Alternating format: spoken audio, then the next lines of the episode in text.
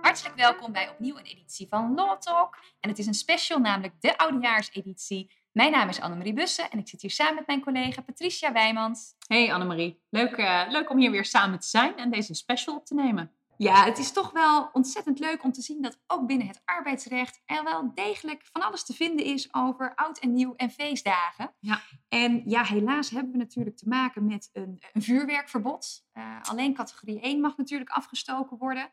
Maar daar uh, legt kennelijk niet iedereen zich altijd maar bij neer. Want daar hebben wij een leuke uitspraak voor geselecteerd die we graag met jullie bespreken. Een werknemer die zelf vuurwerk in elkaar gaat zitten knutselen. Ja, overigens, dat was, dat was vorig jaar hè? En vorig jaar ja. had er natuurlijk ook een vuurwerkverbod. Dus daar trok deze werknemer zich weinig van aan hè? Die trok zich daar weinig van aan. En dan hebben we daarnaast nog een uitspraak van eigenlijk een gemachtigde die onder ja. de kerstboom zat waarschijnlijk. Nou, die volgens mij zat hij al aan de oliebollen. Hij zat al aan de oliebollen. hij wilde de vuurpijlen gaan afsteken. En toen bedacht hij zich ineens, ik moet nog een processtuk indienen. Ja. En daar gaan wij dus ook graag met jullie naar kijken hoe dat, uh, hoe dat verder uh, verliep. Maar eerst maar die werknemer die inderdaad vorig jaar toch wel teleurgesteld was over het feit dat er geen zwaar vuurwerk kennelijk mocht worden gekocht. En wat deed deze werknemer, die overigens pannenlegger was, dus Ja. iemand die echt fysiek met zijn handen en zijn armen bezig moest zijn, ruim 20 jaar ook al bij zijn werkgever in dienst, die ging begin november zelf proberen om vuurwerk te maken en ging verschillende stoffen mengen. Nou ja, je kunt al een beetje raden wat er gebeurde. De stoffen die ontploften, waardoor deze werknemer zwaar letsel aan zijn pols en hand opliep. Um, vervolgens ja, meldt deze werknemer zich ziek en dan wordt de werknemer gezien door de bedrijfsarts op 16 december 2020. Dus dan ben je toch al een aantal weken verder. Ja. En die geeft eigenlijk als terugkoppeling, ja, dit herstel gaat wel een langere tijd duren. En wat deze werkgever dan doet, die zegt op 29 december, dus weer, nou eigenlijk bijna twee weken later, echt Ja. tussen kerst en oud en nieuw, die heeft Ja. met kerst is nagedacht. En die zegt dan tegen de werknemer, wij eh, stoppen de loonbetaling bij ziekte. Wij vinden namelijk dat jij eh, een heel groot risico op ongelukken hebt genomen. En daarom heb jij geen recht op loon. Want jij hebt eigenlijk je schuldig gemaakt aan voorwaardelijke opzet. Ja. Ehm, Maar daar is die werknemer het niet mee eens hè? Nee, die denkt, hoezo voorwaardelijke opzet? Ehm, kijk, en ik snap het wel een beetje hoor, want de werkgever heeft waarschijnlijk gekeken in het wetboek van wat is nou een reden om het loon bij ziekte te mogen stopzetten. Ja. En daarbij is de eerste, die dan in artikel 629 lid 3 sub a staat, dat is als de ziekte door opzet is veroorzaakt. Nou ja, dan Ja. zou je kunnen denken, 1 plus 1, hè, een werknemer Precies. moet toch weten, hè, het is niet, het is niet een, een puber, of, hè, maar het is echt gewoon Nee, een nee, volwassen nee. vent. En we horen al ja, nou ik heb trouwens al een tijdje niet gehoord, maar eh, jaren, je bent een rund als je met vuurwerk stunt. Daarom, dus zeker als je het dan ook nog een keer zelf in elkaar gaat, ehm, als je het in elkaar gaat zetten. En ehm, wat deze werknemer dus doet, is, of deze werkgever, die zegt, ehm, ja, het is misschien dan geen opzet, maar in ieder geval voorwaardelijk opzet. Want dat Ja, kennen we uit het strafrecht. En wat wel aardig is, want welke uitspraken kennen we wel met, eh, met opzet? Ja, het zaalvoetballersarrest. Die kennen we, maar we hebben natuurlijk ook de plastische Ja, ingrepen. De cosmetische chirurgie hè? Juist. Ja. want je ziet dus inderdaad dat er wel wat uitspraken zijn al gedaan door kantonrechters over bijvoorbeeld sterilisatie of dus een, hè, een neuscorrectie of Ja. andere cosmetische ingrepen. Maar daar is de lijn nog niet helemaal helder wat, hè, wat, wat daar dan de consequenties van zijn. En wat je dus ook in deze uitspraak ziet, is dat de kantonrechter heel duidelijk zegt van ja, je verliest pas je recht op loon bij ziekte als de opzet gericht is op het intreden van de arbeidsongeschiktheid. Ja. Oftewel, als die werknemer daar had zitten mixen, want ik wil mijn handen graag beschaven, want dan word ik ziek en dan kan ik niet werken. Ja. Als je dat dus kan aantonen als werkgever, natuurlijk helemaal En dat gebeurt natuurlijk nooit hè? Dan zou je dus op die grond kunnen zeggen, er wordt geen loon betaald tijdens ziekte. Precies. En dan zegt de werkgever, ja, maar wij zeggen ook geen opzet. Wij zeggen het is voorwaardelijke opzet. En dat is dus een begrip wat we kennen binnen het strafrecht. Ja. En dat betekent eigenlijk dat je willens en wetens de kans aanvaardt dat er dus hè, iets gaat ontploffen of dat er iets misgaat. Precies, en dat, dat is dus, joh, je bent zo ontzettend dom bezig met, met dat stunten, met, die, met, die, met, ja, met dat vuurwerk en dat buskruid. Dat je weet dat de kans behoorlijk groot is dat je, daarmee, dat, dat je daardoor een Ja, je- ongeluk krijgt. Je aanvaardt en eigenlijk daardoor die kans. Hè, willens en wetens. Dat je arbeidsongeschikt zal raken. Maar dan zegt de kantonrechter van ja, dat kennen ze misschien in het strafrecht. Maar ja, dat is Ja. niet genoeg voor het staken van de loonbetaling nu in deze verhouding tussen werkgever en werknemer. Oftewel, voor mij is het niet, hè, voor mij als kantonrechter is het niet aannemelijk dat deze pannenlegger ook, ook echt opzettelijk zijn hand wilde verwonden. Ja. Oftewel, de conclusie is, er bestaat wel recht op loon bij ziekte. Je bent ongelooflijk dom, maar je hebt toch recht op loon. Maar ehm, op hoeveel loon heb je dan precies recht? Hè? Want heb je dan recht op nou ja, hè, loon eh 70% 629? Het minimum Het bedoel minimum, jij? hè, Ja. wat je, wat je, waar je op basis van de wet recht op hebt. Of heb je dan ook nog recht op de aanvullingen? Veel cao's en veel arbeidsovereenkomsten bevatten een, een aanvulling. Hè, vaak het eerste jaar 100 ja, of iets soortgelijks. Hoe zat dat in deze kwestie? Nou, dat is, wel, dat is wel heel goed dat je daarop wijst. Want ehm, in deze kwestie stond er in de CAO dat er het eerste ziektejaar recht was op 100% doorbetaling van het loon. Dus er stond geen optie in dat er onder bepaalde omstandigheden kon worden teruggevallen op het wettelijk minimum van 70%. Ja. Terwijl we weten uit een uitspraak al van de Hoge Raad van volgens mij alweer een jaar of tien geleden. Ja, dat, dat noemen we altijd het zaalvoetbalarrest. Ja, want dat ging even eh, over een, werknemer die als hobby had zaalvoetballen. Even heel kort door de bocht. Die, die eh, ging elke keer zaalvoetballen, maar raakte elke keer geblesseerd. Ja. Hij elke keer weer... Elke keer kon hij dan even een langere niet werken, periode ja. weer niet, niet kon werken. Een aantal maanden, want dan was hij weer aan het, aan het herstellen. En dan zei die werkgever, joh, houd toch eens op met dat zaalvoetballen. Zoek een andere hobby. Maar je bent elke keer, elke keer arbeidsongeschikt. En wij moeten En- daar de wrange vruchten van plukken. Wij moeten precies. doorbetalen. En daar was 100%. uiteindelijk de uitkomst, ja, weet je, je houdt wel recht op loon, want ook daar geldt weer, ja, jouw opzet is niet gericht op het ziek worden, Jouw opzet is niet gericht op het krijgen van een blessure Precies, als jij hè, nu gaat op het arbeidsongeschikt worden. Maar eh, bij CAO kun je daar natuurlijk wel nadere voorwaarden aan verbinden. Dus bij CAO kun je wel afspraken maken dat ook in andere gevallen er geen recht is op die aanvulling. Ja, en dat is dus wel het bijzondere, want in de CAO was er geen gebruik gemaakt van die optie, van die mogelijkheid.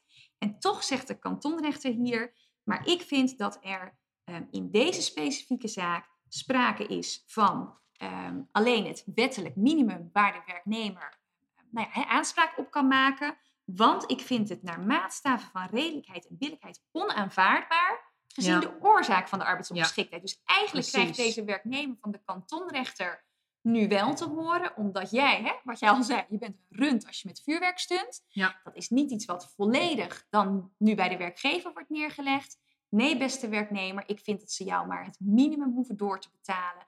Want ehm, hè, dit, is niet, hè, dit is niet redelijk, dit is niet billig. En dat, Nee. dat is eigenlijk van, het kan toch niet zo zijn dat jij zoiets stoms doet, Ja, waar je dan vervolgens zelf de consequenties niet van hoeft te dragen. nee, nee precies. Dus je kunt hier wel over discussiëren hoor. Dat, Ja, dat is nou, wel. ehm, heel eerlijk, ik denk dat de rechter hier, de werkgever, in die zin echt wel een beetje red, eh zeker tegemoet komt. Omdat eh, ja, die had ook eigenlijk heel makkelijk de andere kant op kunnen beredeneren. ja, en misschien doet de rechter dat ook wel, want er was nog een ander punt wat hier speelde. Namelijk, hè, wanneer kun je een loon stopzetten en welke Ja. regels gelden daarvoor? En daar had de werkgever eigenlijk weer het deksel op de neus gekregen. Want Ja. hè, we noemden net al heel kort, oké, 8 november Gebeurde dat knalt meneer zijn hand er bij wijze van spreken af. Dan op 16 december zegt de bedrijfsarts pas van dit gaat echt wel lang duren, dit herstel. Ja. En dan op 29 december wordt het loon stopgezet. Ja. En we kennen natuurlijk het vereisten dat je als werkgever het wel onverweld, dus hè, eigenlijk zo voortvarend mogelijk, moet Ja. meedelen, de loonstop. Als bij jou eigenlijk het vermoeden is ontstaan dat er nou ja, een aanleiding, een grond is voor zo'n loonstop. Precies, er kunnen natuurlijk meerdere redenen zijn om een loonsanctie op te leggen. Maar in dit geval ging het dus om die bewuste nou ja, de, de- de opzet bij het ehm, ontstaan van die arbeidsongeschiktheid. Ja, dat, moet je, dat moet je wel wat eerder melden. Je kunt niet eerst rustig kerst gaan vieren en dan pas vlak voor oud en nieuw denken, nou, laat ik nu eh, een loonstop opleggen. En los daarvan vond ik ook nog, er stond een beetje een bijzondere bepaling in, die, in het, eh, in het ja, huishoudelijk reglement of het Ja, arbeidsvoorwaardenreglement, het, toch? in het bedrijfsreglement inderdaad, dat klopt. En dat is ook waar de werkgever naar verwijst. Van ja, ik, ik, dat onverweld, dat, dat, dat zegt uw kantonrechter. Maar ja, onze, onze eigen regels, ons bedrijfsreglement, schrijft nou eenmaal voor dat we eerst het advies van de bedrijfsarts moeten afwachten. Ja. En dat is misschien wel vanuit een hele goede gedachte. Een soort van, we zijn Ja, zorgvuldig, wij als werkgever Precies. Mogen niet vaststellen of er sprake is van ziekte of arbeidsongeschiktheid. Ja. Alleen dat, ja, daarvan zegt de kantonrechter nu van ja, ehm, dat maakt niet dat je daarmee hè, zo lang mag wachten Ja. met de mededeling, we gaan het loon stopzetten. Precies, dus daar zit eigenlijk denk ik wel, nou, in ieder geval één, maar misschien ook wel twee tips in voor de praktijk. hè. Eén is denk ik, ja, let bij het opstellen van zo'n bedrijfsreglement goed op dat je niet, ehm, nou ja, dat je geen regels in jouw bedrijfsreglement opneemt, waarmee je jezelf eigenlijk in een soort van spagaat eh, manoeuvreert. Ja, je maakt het voor jezelf eigenlijk Precies. onmogelijk om verweld te handelen. Ja, En als je het En- er nou wel in hebt nou, staan, dat is denk ik tip Ja. 2, hè. Als je er dan al toch in hebt staan, dan moet je er in ieder geval voor zorgen dat je desnoods een beetje voorsorteert. Weet je, ik kan me voorstellen dat je dan op, op 8 november na die, na die ziekmelding, ja, dat je- zodra je, erachter komt Precies, wat er nu gebeurd is, precies zodra jij weet, nou dit is wel echt heel erg dom, ik ga misschien gebruik maken van deze mogelijkheid, dat je misschien de werknemer al aanschrijft en zegt, ja luister, onze, ons bedrijfsreglement schrijft voor dat we je eerst laten zien bij de bedrijfsarts, maar hou hier rekening mee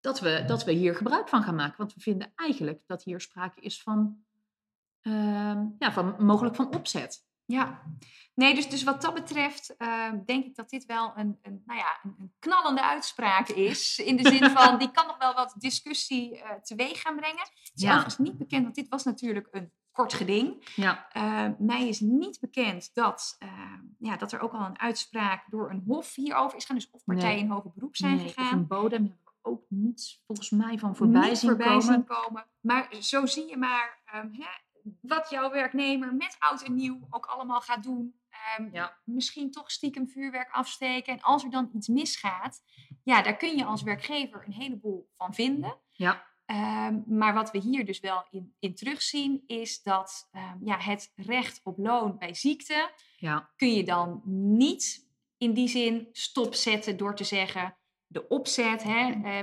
was gericht op het arbeidsongeschikt worden. Maar Ja. je kunt dus wel iets met de hoogte van het loon bij ziekte in Precies. die situatie. precies. Die, s- die 70% zul je eigenlijk altijd wel rekening mee moeten houden. Maar je kunt ofwel bij CAO, dus voor CAO-partijen is dat Dan misschien ook makkelijker, om ja. daar iets over op te nemen. Ofwel in een arbeidsovereenkomst. Maar je kunt met die aanvulling, daar kun je mogelijk wel iets mee. Ja, je zou dit dus ook wel weer in je bedrijfsreglement op kunnen nemen. Dat als jij Ja. geen CAO kent, jou, jouw organisatie of hè, waar je onder valt, maar je hebt wel een bedrijfsreglement, Ja. dat je dan opneemt dat er dus ook situaties eh, zijn waarin er recht bestaat op slechts 70% Precies. van het loon bij ziekte. Ja. Nou, dat was, eh, dat was me dan weer wel, hè? 29 december en nog even het loon stopzetten. Maar volgens mij heb jij, Patricia, nog een, eh, een ja, voor, de, voor de gemachtigden wat minder leuke casus, waar op 31 december eh, nog in actie moest worden gekomen. Ja, precies. Want we hebben natuurlijk, dit is de oud en nieuw editie. Dus we hebben natuurlijk een beetje te kijken, ja, zijn er nog leuke dingen die rondom oud en nieuw zijn gebeurd? Nou, dit was voor de, voor de gemachtigde van de werknemer een wat minder leuke uitkomst. Hoe het ook precies gegaan is, weet ik niet. In ieder geval is er een, een, een zorginstelling, meen ik, die een eh, nou ja, ontslag heeft aangevraagd bij het UWV om de arbeidsovereenkomst van een werknemer op te mogen zeggen. Daar hebben ze ook toestemming voor gekregen en die arbeidsovereenkomst is opgezegd met ingang van 1 november 2015. Ehm, en dan is de regel dat als je het daar niet mee eens bent, dat, je dan, eh, dat er dan een vervaltermijn van twee maanden geldt. Ja. ehm, na de dag waarop de arbeidsovereenkomst is geëindigd. Oké, dus want, want je zegt 1, 1 november november 2015. Ja, Dus dan is de conclusie dat je op 31, ehm, even kijken, 1 november is de arbeidsovereenkomst geëindigd. Ehm, en dat betekent dat je uiterlijk tot en met 31 december 2015 nog een verzoekschrift kan indienen bij de kantonrechter. ja. 31 december 2015.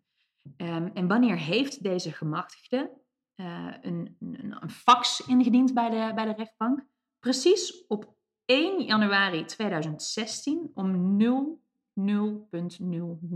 uur. Aha. Dus echt, nou ja, ik weet niet hoe dit precies is gegaan, maar ik stel me dan zo voor dat je je oliebol rustig zit te eten.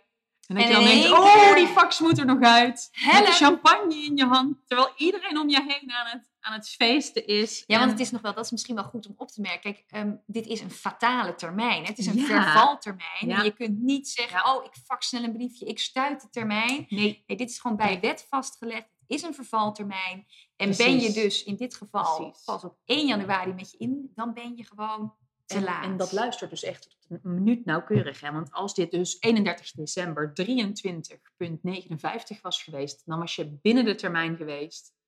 Deze fax is echt net te laat aangekomen.